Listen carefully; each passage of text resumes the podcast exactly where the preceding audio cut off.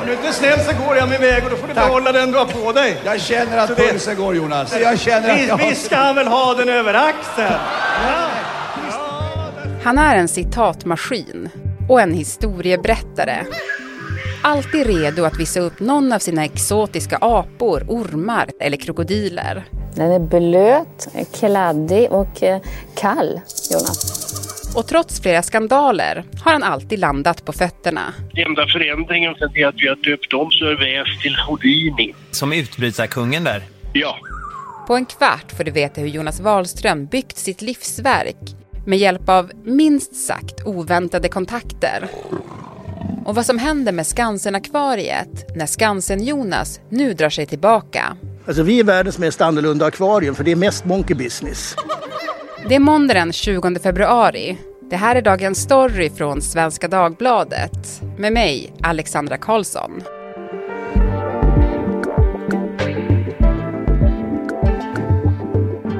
Lars Berge, frilansande journalist som bland annat skriver här i Svenska Dagbladet och som nu gjort ett långt reportage om Skansen-Jonas. Hallå! Hej! Du, vad är det för värld du har varit inne i egentligen? Det är ju Jonas Wahlströms livsverk, en artificiell djungel som ligger på Djurgården i Stockholm, eh, på Skansenområdet. Så det är den världen jag har klivit in genom en sån souvenirbutik och sen vidare förbi aporna och sen in i den här eh, jordluktande djungeln. Eh, ja, det är en egen liten värld kan man säga. Mm. Och jag tänker typ Skansen är som en sån institution eh, och jag tror att det är lätt att glömma att Skansen-akvariet faktiskt är ett familjeföretag. Ja men precis, det drivs ju av, eh, av Jonas då och eh, hans dotter Anna och eh, sonen Tito sitter också med i styrelsen och eh, hans fru Kristina Åhlén, gammal reporter på Expressen. Och det är hon som skriver äventyret eh, Jonas Wahlström kan man säga. Men det är ju då Jonas, Skansen-Jonas, det är ju han som är känd för allmänheten. Nej, nej, nej, nej, nej, nej, nej, nej. Kan vara farligt. Peta. Välkommen hit Jonas. Redan som liten pojke står det klart att Jonas Wahlström har ett djurintresse utöver det vanliga. Jag skolkade från skolan i andra klass och sprang på Skans. Och enligt familjelegenden började allt med en present från mormor. Ett årskort på Skansen. Och snart spenderar han mer tid bland djurskötare och elefanter än i skolbänken. Och så blir jag hjälpredet till de gamla djurvårdarlegenderna. Svenne Svabben och Törsten och Ljugaludd och allihopa. Så det, det är min uppväxt. Pojkrummet i Vasastan i centrala Stockholm fyller han med ormar, tropiska fåglar och till och med en levande grävling som lär ha blivit en kär familjemedlem. I slutet av 70-talet har det blivit dags för den då 27-årige Jonas att slå upp portarna till sitt framtida livsverk. Skansen-akvariet med sina tropiska reptiler blir genast ett populärt utflyktsmål för Stockholms barnfamiljer.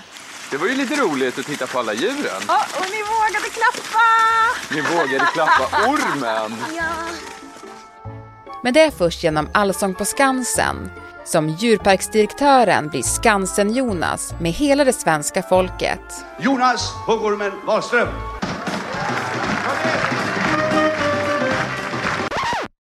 Men nu ska han ju då ta ett steg tillbaka och lämna över ansvaret lite grann för Skansen-akvariet till sin dotter och det känns som stora skor att fylla.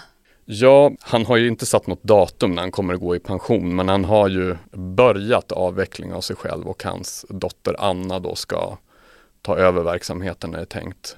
Och eh, hon upplever jag ju som en lite annorlunda personlighet. Hon säger ju själv att hon inte eh, intresserad av att figurera i, i tv eller liksom bli en sån mediepersonlighet som sin pappa. Så det kommer ju att bli annorlunda. Burrow's furniture is built for the way you live.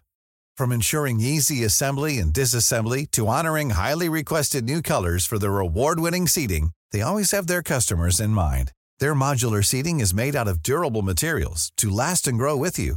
And with Burrow, you always get fast, free shipping. Get up to 60% off during Burrow's Memorial Day sale at burrow.com slash ACAST. That's burrow.com slash ACAST. burrow.com slash ACAST. Men om vi, om vi stannar kvar lite vid Jonas, så tänkte jag på när jag läste din text, och en grej som är lite förvånande, det är ju att han inte har någon formell utbildning kring djur, typ um, ja, men zoolog eller veterinär. Äh, det kändes anmärkningsvärt. Ja, det finns ju någon idé idag att eh, om man jobbar på djurpark så ska man vara, ha liksom en universitetsutbildning.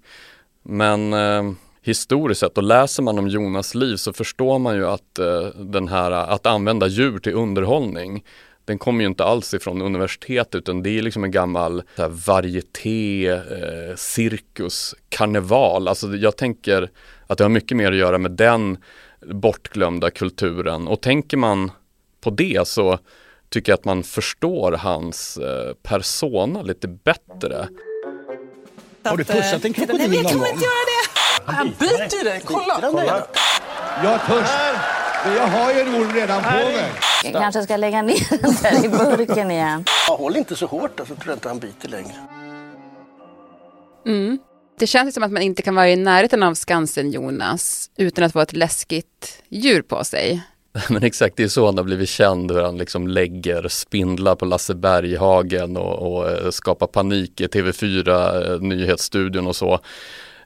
Men jag känner lite att skit i djuren för att eh, när den här Sörväs-grejen hände så började jag läsa om Jonas och då känner jag att det är människorna som han eh, omger sig med eller omgivit sig med som är grejen. Mm. Han har ju levt ett liv som påminner om eh, ett Tintin-äventyr liksom. Mm, Han har ett utbyte med Nordkorea.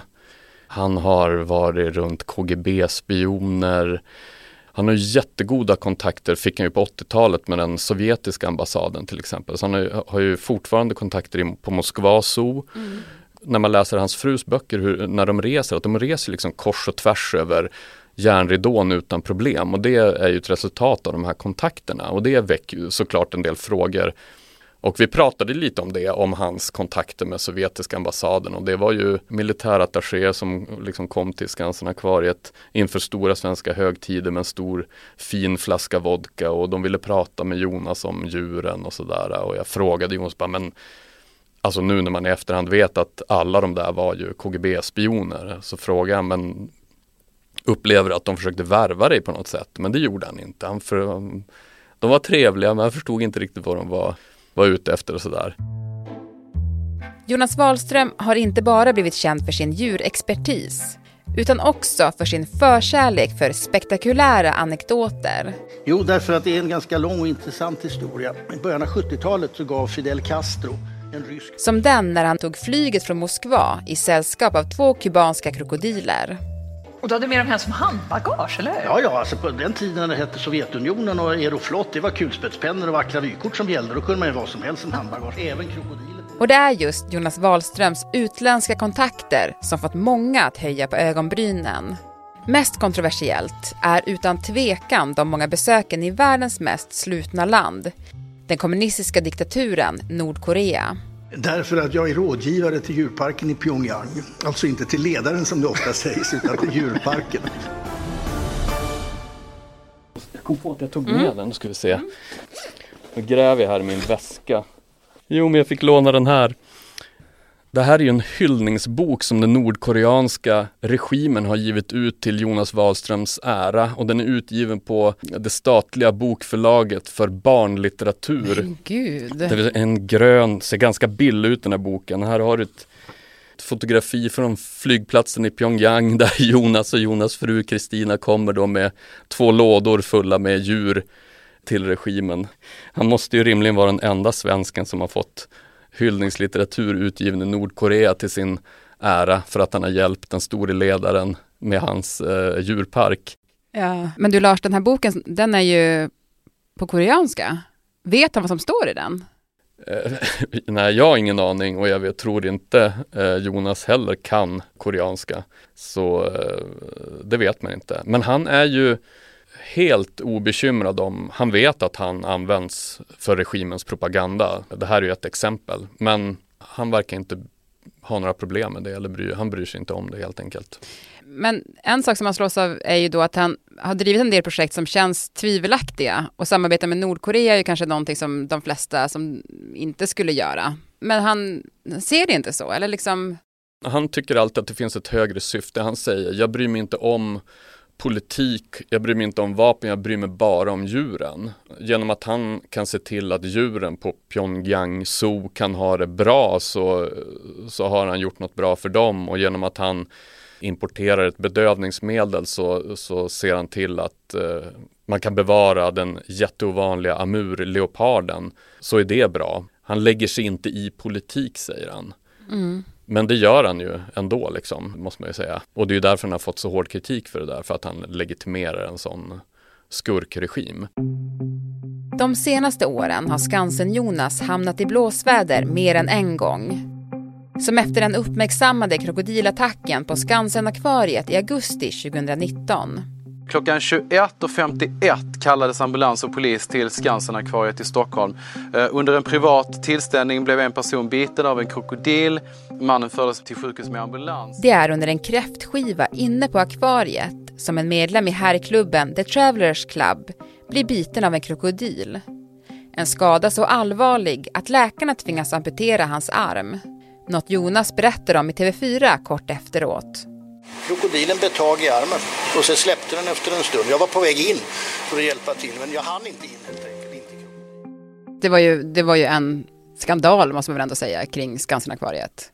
Det var en stor skandal eh, kan man ju tycka, men det var också intressant det som hände sen för att det blev ju inte en så värst stor skandal, eh, utan eh, det blev ju mer att berättelsen om den här Lasse som han hette, hans liksom stoiska lugn inför det som hade hänt och att han nu skulle leva utan arm, han skulle spela golf utan vänsterarm så han får som svinga med bara höger arm. Det blev som en rörande sedelärande historia om att ha en positiv inställning till livet någonstans. Mm. Um, och han blev ju hyllad överallt.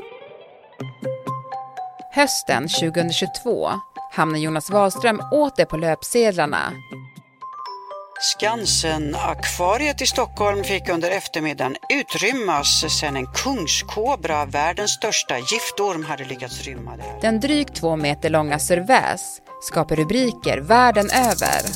Hallå, hallå! Hej Jonas! Åh, vad fint att få med dig i programmet. Då vet vi att vi kommer få reda på hur det går med ormen. Ja, du, om jag visste det.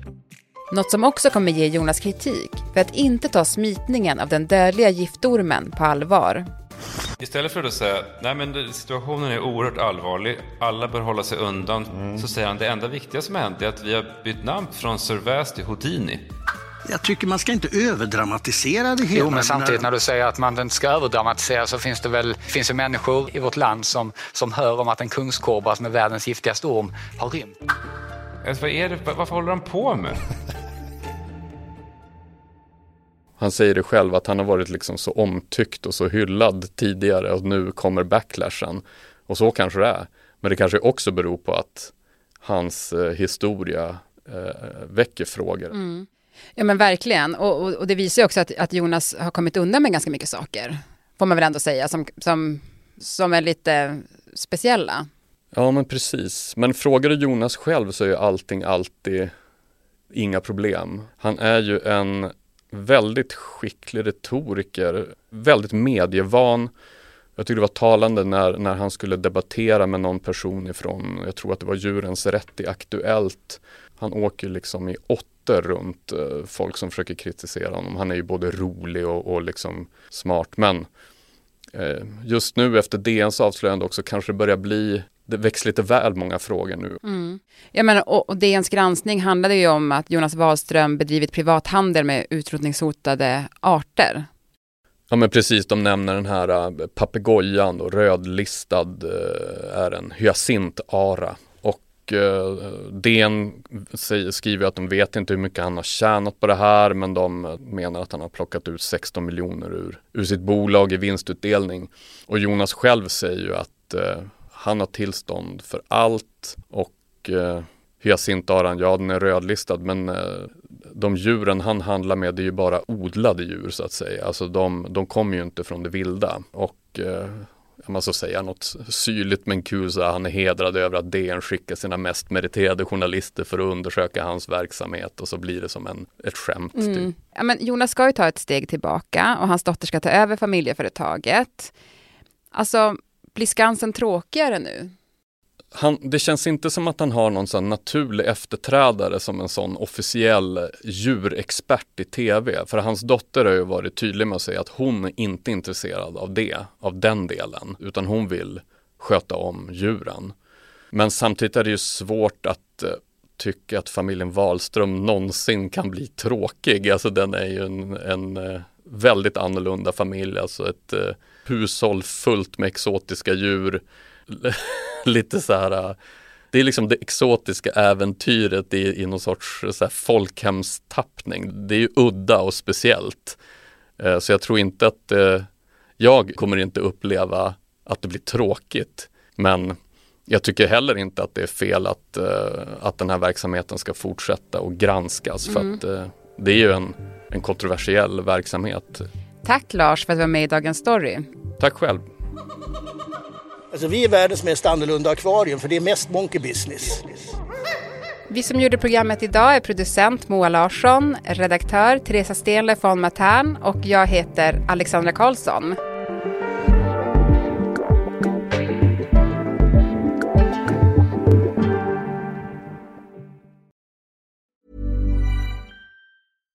Hey, I'm Ryan Reynolds. At Mint Mobile, we like to do the opposite of what Big Wireless does. They charge you a lot, we charge you a little. So naturally, when they announced they'd be raising their prices due to inflation, we decided to deflate our prices due to not hating you. That's right. We're cutting the price of Mint Unlimited from $30 a month to just $15 a month. Give it a try at mintmobile.com slash switch. $45 upfront for three months plus taxes and fees. Promo for new customers for limited time. Unlimited more than 40 gigabytes per month. Slows. Full terms at mintmobile.com.